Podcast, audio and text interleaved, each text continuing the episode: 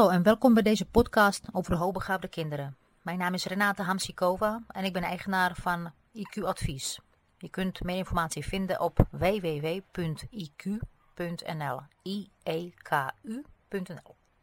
Oké, vandaag beantwoord ik wat uh, vragen van ouders over hun hoogbegaafde kinderen. Als eerste een vraag van Katja. Beste Renata, mijn negenjarige zoon is al twee keer versneld, waardoor hij nu in groep 7 zit en over een jaar naar de middelbare school gaat, met net 10 jaar. Is er iets dat ik kan doen om hem te helpen, gezien het leeftijdsverschil en daarbij behorende verschil in belevingswereld, of is dat iets dat vanzelf uh, zijn weg vindt? Nou ja, ik vraag me af of er zo'n enorme verschil is, want hoogbegaafde kinderen lopen ook vaak voor cognitief sowieso, maar ook vaak sociaal en emotioneel.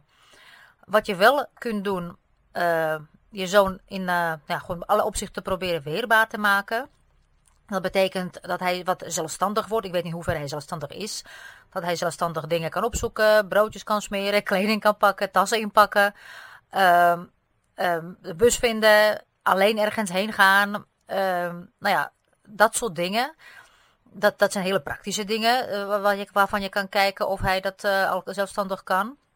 Daarnaast zou ik uh, kijken of hij genoeg nou ja, leerstrategieën bezit en of hij nou ja, weet hoe hij dingen kan aanpakken en waar hij dingen, kan vinden. En um, je kunt ook kijken of je zoon nou ja, mondig genoeg is om anderen aan te spreken, om docenten aan te spreken. Dat soort dingen. Dus ik zou nu niet ineens gaan trainen, snel en snel, hij gaat naar de middelbare, wat moeten we doen? Maar ik zou wel heel praktisch kijken van uh, wat is hij zelfredzaam, kan hij zich daar redden of niet? En wat kunnen we nu nog doen om hem te helpen om er eens mee te oefenen? En uh, verder, als hij er eenmaal is in de brugklas, dan merk je vanzelf of hij bepaalde vaardigheden mist. En die kunnen dan uh, aangeleerd worden. Want ik wil nou ja, dat leren, leren bijvoorbeeld, waar heel veel over gesproken wordt, dat kun je nu niet ineens binnen twee maanden inhalen. als, als het nog niet op de basisschool opgepakt was. Dus ik zou dan ja, vanaf een brugklas uh, goed kijken wat hij mist. En uh, ik hoop dan ook dat je zo'n open staat voor tips. Uh, en dat hij dan zich daar kan redden.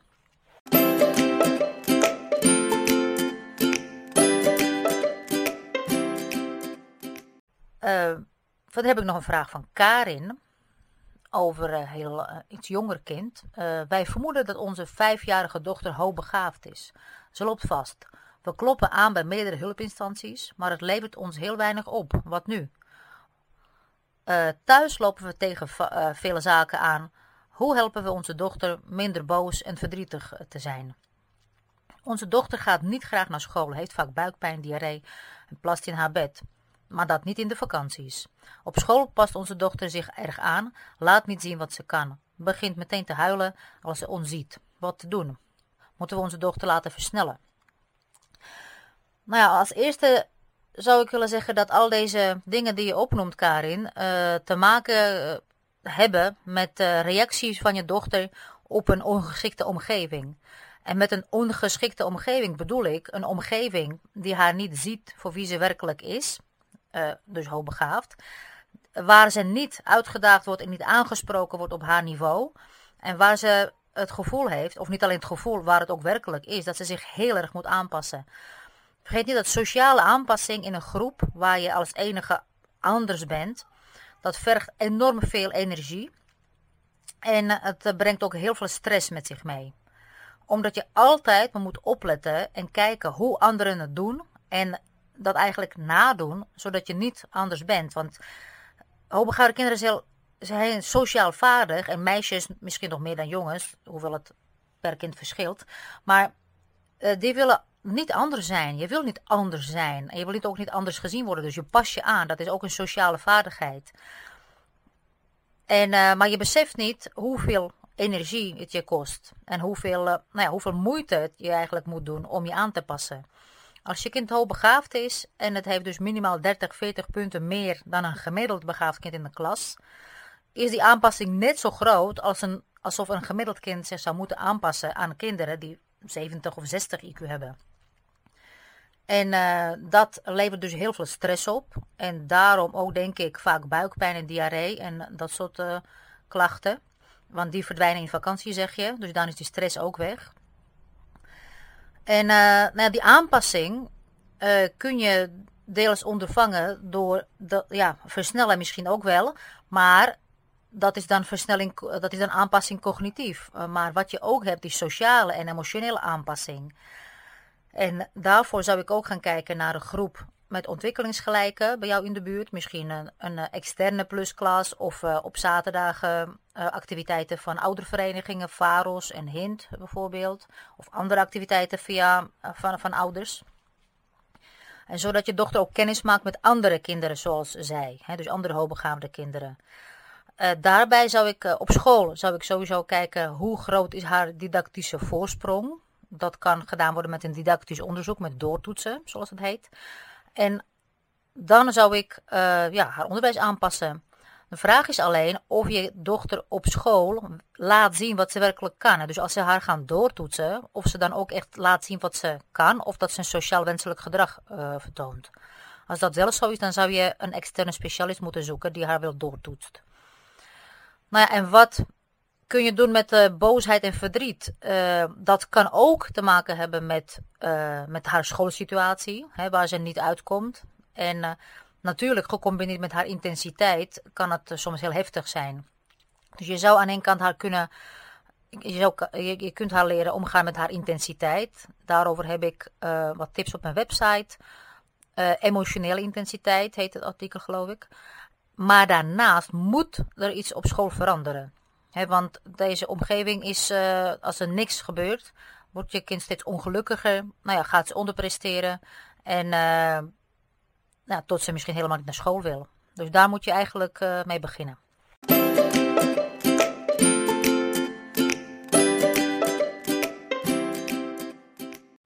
Volgende vraag is van Suzanne. Wat is verstandiger om te doen? Zoon, potentieel hoogbegaafd, gaat nu het traject in maar goed, blijven in het reguliere onderwijs met deels plusklas en pakket op maat. Gaat nu naar groep 3 in de 3-4 combi, dus makkelijk differentiëren. Of op een zeker punt uh, eh, HB-onderwijs. Dit uiteraard allemaal vanuit de gedachte dat hij hoogbegaafd is. Wat ons betreft geen twijfelpunt meer is. Uh, wat is beter? HB-onderwijs, onderwijs of reguliere school? Daar kan ik niet zo antwoord op geven. Omdat je hoogbegaafde scholen hebt die dat heel goed doen. En waar kinderen uh, nou, die heel flexibel zijn, onderwijsaanpassing bieden en persoonlijke leerplannen hebben. Maar je hebt ook scholen die dat niet doen en niet kunnen. En toch onvoldoende kennis beschik, uh, beschikken over hoogbegaafdheid. En waar ook hoogbegaafde kinderen vastlopen. Maar je hebt ook reguliere scholen hè, die hetzelfde hebben. Dus waar betrokken leerkrachten zijn die, die zich kunnen verplaatsen. Die durven flexibel te zijn, die durven methodes los te laten. En waar een kind, een eh, hoogbegaafd kind heel goed gaat. Maar ook weer leerkrachten die nogal star zijn, die het niet willen en waar het eh, kind vastloopt. Dus je kunt niet per definitie zeggen, hoogbegaafd in onderwijs is de beste keus. Je zou goed moeten kijken bij jou in de buurt uh, wat, wat ze doen, kunnen ze persoonlijk leerplan bieden? Wat vinden ze van versnellen? Daar kun je ook heel vaak zien hoe ze überhaupt uh, over hoogbegaafdheid denken. Want scholen die niet willen versnellen, hoogbegaafde scholen die niet willen versnellen, die hebben dat niet goed begrepen. Dus je moet ja, goed onderzoeken wat, wat de scholen doen. En dan kun je kijken of een regulier onderwijs met een deels plus klas en pakket op maat, zoals je zegt, misschien is dat helemaal prima. Misschien gaat je kind daar uh, ja, met plezier naartoe. Dus uh, goed kijken en hele goede vragen stellen.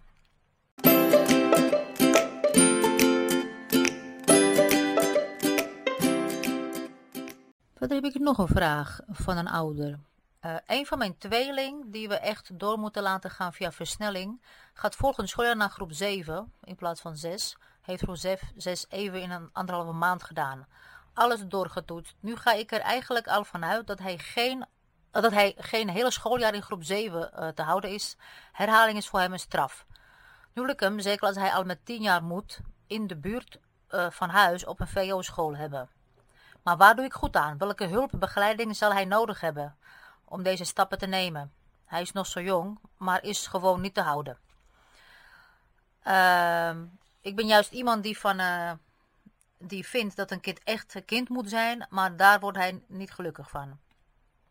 En uh, als hij op school geremd wordt omdat hij te hard uh, gaat, wordt hij daar ook niet blij mee. niet leuk hoe trots ik altijd op mijn kinderen ben. Ik ben hier niet blij mee, maar iets zegt me dat hij gelukkiger wordt als we hem in elk geval dat versnellen gunnen. Dat is een vraag van Emily. Nou, hi Emily. Ik heb als eerste een vraag wat mij opvalt is, je hebt het over één van, van jouw tweelingen. Is dat tweede tweeling toevallig een meisje? En valt zij niet, is zij net zo slim als, als haar broer en valt het niet op omdat ze zich sociaal aanpast? Dus dat is even een vraag die ik heb, dat me opvalt. Want meestal, statistisch gezien, zou zij ook, of zij of hij, hoogbegaafd moeten zijn. Maar je hebt het nu alleen over één kind. Uh, nou, ik gaf in het begin al wat tips aan Katja over de middelbare school. Uh, wat je zou kunnen doen. Nou, op zich zijn jullie al goed bezig, omdat je de ontwikkeling van je kind volgt en de school ook. Dus je laat hem niet onnodig ergens zitten en wachten en vervelen en uh, gedemotiveerd raken. Dat is uh, pluspunt, omdat hij dan nou ja, minder gedemotiveerd en ja, in betere conditie, zeg maar, leerconditie dan naar de middelbare school komt.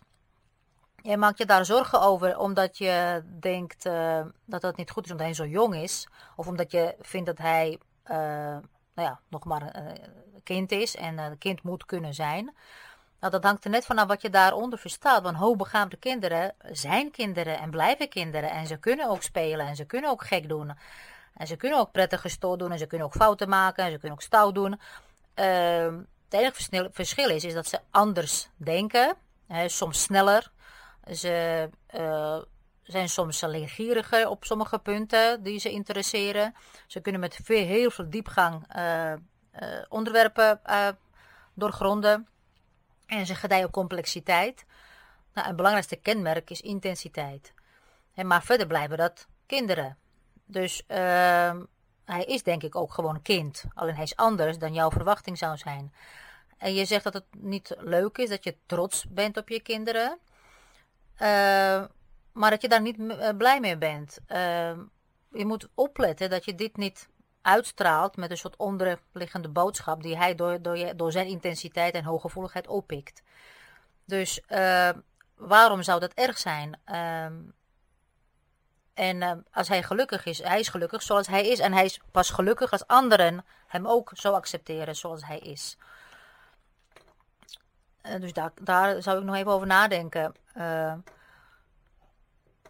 je zegt hij is nog jong, maar is niet te houden met leren. Nee, dat is precies uh, nou ja, heel goed. Dus je kunt hem het beste door laten gaan met wat hij wil doen. En leren, laten leren wat hij wil leren. want dan kun je het onderpresteren enigszins tegengaan. En zal hij waarschijnlijk ook beter voorbereid naar de middelbare school gaan. Oké, dat was mijn reactie op jouw vraag. Dan heb ik nog een vraag van Crinus. Onze zoon van 9, hoogbegaafd, heeft sinds korte tijd enorme angst dat ik doodga. Ik kan nergens meer heen of hij gaat mee. En slapen is een drama. Zodra hij niets meer hoort, komt hij kijken of we nog wil leven. Als ik s'avonds nog weg moet, is hij helemaal van slag en over zijn toeren als ik thuis kom. Pas liep een afspraak s'avonds uit, zodat ik iets later dan afgesproken thuis kwam. Hij was helemaal hysterisch en dat terwijl zijn vader gewoon thuis was. Wat moet ik ermee? Nou, ik denk, omdat je zoon het, je zegt het is uh, sinds kort uh, heeft hij dat, heeft het daarvoor nooit gehad. Het kan erop wijzen dat hij zich niet gelukkig voelt, dat hij zich niet lekker voelt op school of op een andere plek. Hè, dat, dat er iets met hem gebeurt, waardoor hij zich extreem hecht aan zijn thuis, aan, aan de mensen die om hem geven, die van hem houden, dus die hem begrijpen. Dus ergens voelt hij zich niet uh, begrepen en niet op zijn plek. En dan beseft hij met zijn, door zijn intensiteit wordt het nog erger, dat er wel mensen zijn die van hem houden. En dan ineens wordt het heel duidelijk, als die mensen wegvallen, wie heb ik dan nog meer? Wie begrijpt me dan nog meer? Dan ben ik helemaal alleen op de wereld. Dus uh, Je zou kunnen uitzoeken met, uh, door met je zoon te praten. Uh, ja, hoe het is, wat hem dwars zit, uh, hoe het gaat op school. Misschien voelt hij zich helemaal niet lekker daar. Misschien wordt hij daar iemand gepest. Misschien heeft hij het gevoel dat hij gepest wordt. Dat kan van alles zijn. Maar ik denk dat het zijn reactie is op ja, vervelende situatie die hij ergens meemaakt. En waarschijnlijk heeft het te maken met, ja, met zijn hoogbegaafdheid. Dat hij dus niet, zich niet op zijn plek voelt. In het Engels hebben ze daar een mooi term voor, dan heet het out of sync. En ja, dat hebben heel veel hoogbegaafde mensen ervaren dit. En als je daar een, heel jong bent en je kunt nog niet relativeren, je kunt nog niet bedenken, oké, als er iets gebeurt dan dat of dan dat, dan heb je het gevoel dat je ouders of je moeder de enige persoon, de enige persoon in de wereld die je begrijpt, dan kun je daar heel erg angstig uh, door worden. Dus ik zou zeggen, ja, praat met je zoon en kijk wat er speelt wat er veranderd moet worden ergens. Elders, waarschijnlijk op school. Oké, dan heb ik hier nog een vraag van iemand waar ik uh, geen naam van heb. Maar in ieder geval, het gaat over een zoon van 10, die is hoogbegaafd, maar is aan het onderpresteren. Eerst versneld in groep 2, toen naar Leonardo onderwijs. Helaas was dat toen uh, daar geen tot weinig structuur. Dus uiteindelijk weer terug naar basisonderwijs. Of reguliere school waarschijnlijk bedoelen ze. Het zit, hij zit nu in groep 6. En is vorig uh, jaar uh, heeft hij gedubleerd. Omdat hij op zijn tenen liep. Haalt niet de scores die wij dachten dat hij zou halen. bij de laatste toetsen kwam TL als advies voorbij. waardoor was het zelfs, daarvoor was het zelfs praktijkonderwijs. Wij komen er als ouders niet door. Hij krijgt nu logopedie om bepaalde gemiste basis te herhalen. Meer kunnen we niet doen, voor uh, niet doen en voor elkaar krijgen. Het is zo frustrerend. In groep 4 heb ik hem na school extra les thuis gegeven en daardoor ging, het over. ging hij over. Sorry. Thuis werken vindt hij heerlijk, lekker rustig. Ik wil hem zo graag helpen dat eruit komt wat erin zit. Kunt u ons verder helpen? Ja, um, ik zou uh, ja, een soort globale advies willen geven. Want exact advies kan ik niet, omdat je je kind niet kent. Maar wat, wat ik me afvraag, hij is hoogbegaafd. Hij heeft zelfs op op HB-school gezeten. Toen hij terugkwam naar regulier onderwijs, in hoeverre is toen zijn onderwijs aangepast, ingedikt, uh, gecompact, uh, stof geschrapt? Of heeft hij moeten meedoen met de reguliere klas? met alle stof, met alle herhaling en uitleg. Uh, als het zo is, dan is hij hierdoor enorm gaan onderpresteren. En als er, ene, of als er enige uh, verrijking en compacte is geweest, is het waarschijnlijk niet genoeg geweest. Daarnaast uh, heeft hij mee moeten doen, waarschijnlijk zo met een gewone instructie van de hele klas, wat te lang duurt, waarbij hij afhaakte. Dus niemand heeft waarschijnlijk op zitten letten dat hij afhaakte. En niemand heeft misschien gecontroleerd hoe hij leerde en of hij leerde en of hij de, de begrepen uh, of de uh, uitgelegde stof begreep. En uh, nu zit je met gebakken peren. dus wat nu? ik zou nu toch gaan kijken door middel misschien van extern didactisch onderzoek of intern, als hij dat op school laat zien, hoe ver is hij? dus dat doortoetsen zou ik doen. Hoe ver is hij met stof, welke stof beheerst hij, welke niet. En dan zou ik een heel strak plan maken van wat moet hij nog leren en wat moet hij niet leren. En daarbij zou ik niet uitgaan van methodes, want die zijn vreselijk chaotisch en verwarrend. Voor gewone kinderen, laat staan voor hoogbegaafde kinderen. Maar ik zou uitgaan van de kerndoelen. Wat moet hij in groep 6 kunnen? Wat moet hij in groep 7 kunnen en in 8? En wat kan hij nog niet? En het kan zijn dat hij nu in groep 6 zit, maar splitsen dat er in groep 3 geleerd wordt nog niet kan. Omdat hij daar ooit niet, naar, niet op gelet heeft. En dat heeft ook te maken met het feit dat het Nederlands onderwijs bottom-up wordt uh, nou ja, uitgelegd. Dat je bottom-up leert in plaats van top-down. Dus in groep 3, om maar een voorbeeld te noemen, leren kinderen splitsen. dus je hebt uh, van die blokjes, bovenaan staat 10. 10 kun je verdelen in 5 en 5. Die 5 kun je verder verdelen in 3 en 2 hoogbegaafd kind snapt vaak helemaal niet wat dit is, waar het, waar het voor nodig is, waarmee, waarmee heeft dit te maken. Pas veel later in groep 6, waar, waarbij je bijvoorbeeld onder elkaar moet optellen of aftrekken, begrijpen ze, als het goed uitgelegd wordt, dat dat splitsen toen van groep 3 met ehm, het maken van sommen, min- en plussommen te maken heeft. Dus als je toen in groep 3 in context uitgelegd had gekregen dat een splitsen hiervoor nodig is, dan had dat was het veel makkelijker geweest. Dan was je dat, had je dat makkelijker kunnen leren. Dus het kan zijn dat je zonder nu, zelfs in groep 6, niet weet. En dan moet het alsnog geoefend worden en geleerd en uitgelegd. Maar hiervoor heb je gespecialiseerde specialist, uh, tenminste gespecialiseerde uh, ja, leerkracht of een specialist hoogbegaafdheid nodig. Die weet wat hij doet en die weet hoe, uh, nou ja, hoe dit geleerd moet worden. En waarom het, je kind het niet snapt. Zodat hij nou ja, bepaalde hiaten kan wegwerken en dan verder kan gaan. En zodat hij zonder hiaten naar de middelbare school gaat. Dus dat, ja, dat zou ik je adviseren.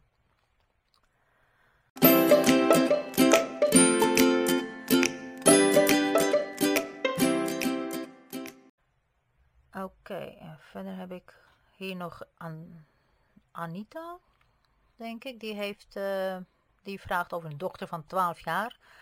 Sinds een jaar Leonardo-onderwijs en is daarom uh, opgebloeid. Helaas is dit jaar in groep 8 ook bij de CITO gebleken dat er enorme hiaten in haar basisvaardigheden zitten. In de voorgaande jaren, reguliere basisonderwijs, is door leerkrachten en door ons niet gezien dat ze zich door alle toetsen en CITO's heen heeft weten te gokken. Uh, even kijken, wij zijn ervan overtuigd dat ze dit aan kan, dus VWO, maar met een dergelijke achterstand en vooral bij gebrek aan intrinsieke motivatie kan de leerkracht niet anders dan HAVO of VWO adviseren. Uh, nou ja, dat hangt er vanaf ook wat ik net zei bij uh, de vorige vraag. Uh, je kunt no, nu nog kijken in hoeverre je dochter de stof echt niet beheerst. Of heeft het te maken met CITO-vraagstelling of geen motivatie om de toetsen te maken. Misschien weet ze genoeg, maar omdat er zo vaak ja, op school getoetst wordt, haken de kinderen ook vaak af. Wat toetsen betreft. Het kan zijn dat ze perfectionistisch is of dat ze faalangstig is, dat ze daarom niet scoort, goed scoort op toetsen, maar dat ze de stof wel beheerst. Dus je zou ook uh, of via school of extern kunnen kijken wat weet ze nou werkelijk wel of wat weet ze niet? En kan ze uh, ja, gewoon doorgaan naar de VWO? Een VWO-toelating kan soms ook plaatsvinden, los van CITO, helemaal niet naar CITO kijken, maar op grond van een IQ-test. Dat zou je weer kunnen overleggen met, uh, met de middelbare school waar, je, waar ze naartoe gaat. Dus uh, ja, dat is het uh, eigenlijk wat dat dit betreft. Je vraagt nog wat anders. Op het reguliere onderwijs is ze verschrikkelijk afgestompt geraakt doordat ze altijd uh, dat buitenbeentje was gepest is en door leerkrachten niet begrepen en zelfs lastig gevonden werd. En hier is ze haar intrinsieke motivatie dan ook kwijtgeraakt. Ze bleven haar daar hameren op laat eerst maar eens zien wat je kan. En daarnaast nog PDD-NOS of licht autistische trekjes, die zou ze hebben in plaats van hoogbegaafdheid. Hoe kunnen we haar helpen hiermee uh, om te gaan? Uh, vooral haar leren zichzelf uh, te motiveren en zaken echt op te pakken om te bereiken wat ze wil bereiken. Ja, weet je, het is moeilijk als je in zo'n omgeving zit waar mensen niet in jou geloven. Dan moet je jezelf telkens bewijzen, moet je jezelf daar telkens handhaven. Je bent anders, maar ze zien, ze zien het niet. Ze zien niet wie je werkelijk bent. Dat is verschrikkelijk moeilijk voor een kind. Zeker als uh, er allerlei dingen genoemd worden, zoals PDD-NOS, autisme. Die mensen hebben totaal geen uh, ja, scholing om dit soort dingen te roepen.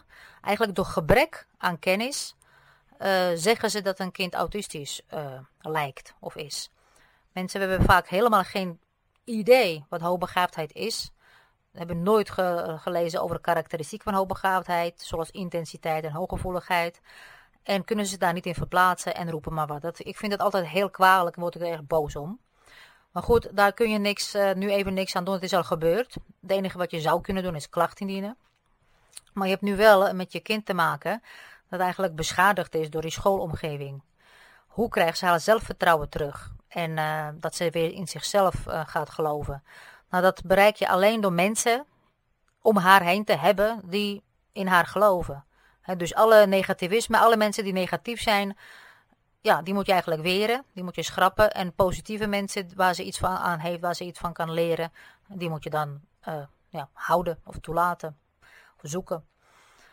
Uh, want hoogbegaafde meisjes hebben echt rolmodellen nodig. Mensen die in ze geloven. En dan, dan pas alleen kunnen ze iets van hun potentieel laten zien. Ik heb daar overigens wel een hele. Uh, nou ja, ik geef daar workshop over. Maar je kunt binnenkort ook uh, diezelfde workshop als online training kopen. Maar goed, dat, even terzijde. Um, dus dat, de intrinsieke motivatie en uh, die ze kwijtgeraakt is, dat kun je. Dat is natuurlijk op schoolse vakken. Hè, dat je, meet, je meet het, hoe je ze op school. Op school heeft ze geen motivatie. Dat is ook logisch als zo met haar omgegaan is. Motivatie kun je weer terugkrijgen, maar alleen door dingen die haar interesseren, die zij wil doen. Niet die waarvan anderen vinden dat die ze zou moeten doen. En dat, is een, dat is heel iets anders. En als ze straks naar de middelbare school gaat, uh, waar ze gezien wordt voor wie ze is, en waar misschien een uh, hele aardige mentor is die haar begrijpt, dan hoop ik dat ze zichzelf weer terugvindt. Nou, dat waren de vragen van de ouders voor vandaag. Als je zelf een vraag hebt over je hoogbegaafde kind, uh, kun je die insturen via mijn website of uh, per mail of via Facebook zelfs. Of je kunt reageren op een van de blogartikelen en dan kan ik daarop reageren. Of ik kan de volgende keer uh, via podcast je, antwoord je vraag beantwoorden. Oké, dit was het. ik ben Renate Hamsen-Koba van IQ Advies.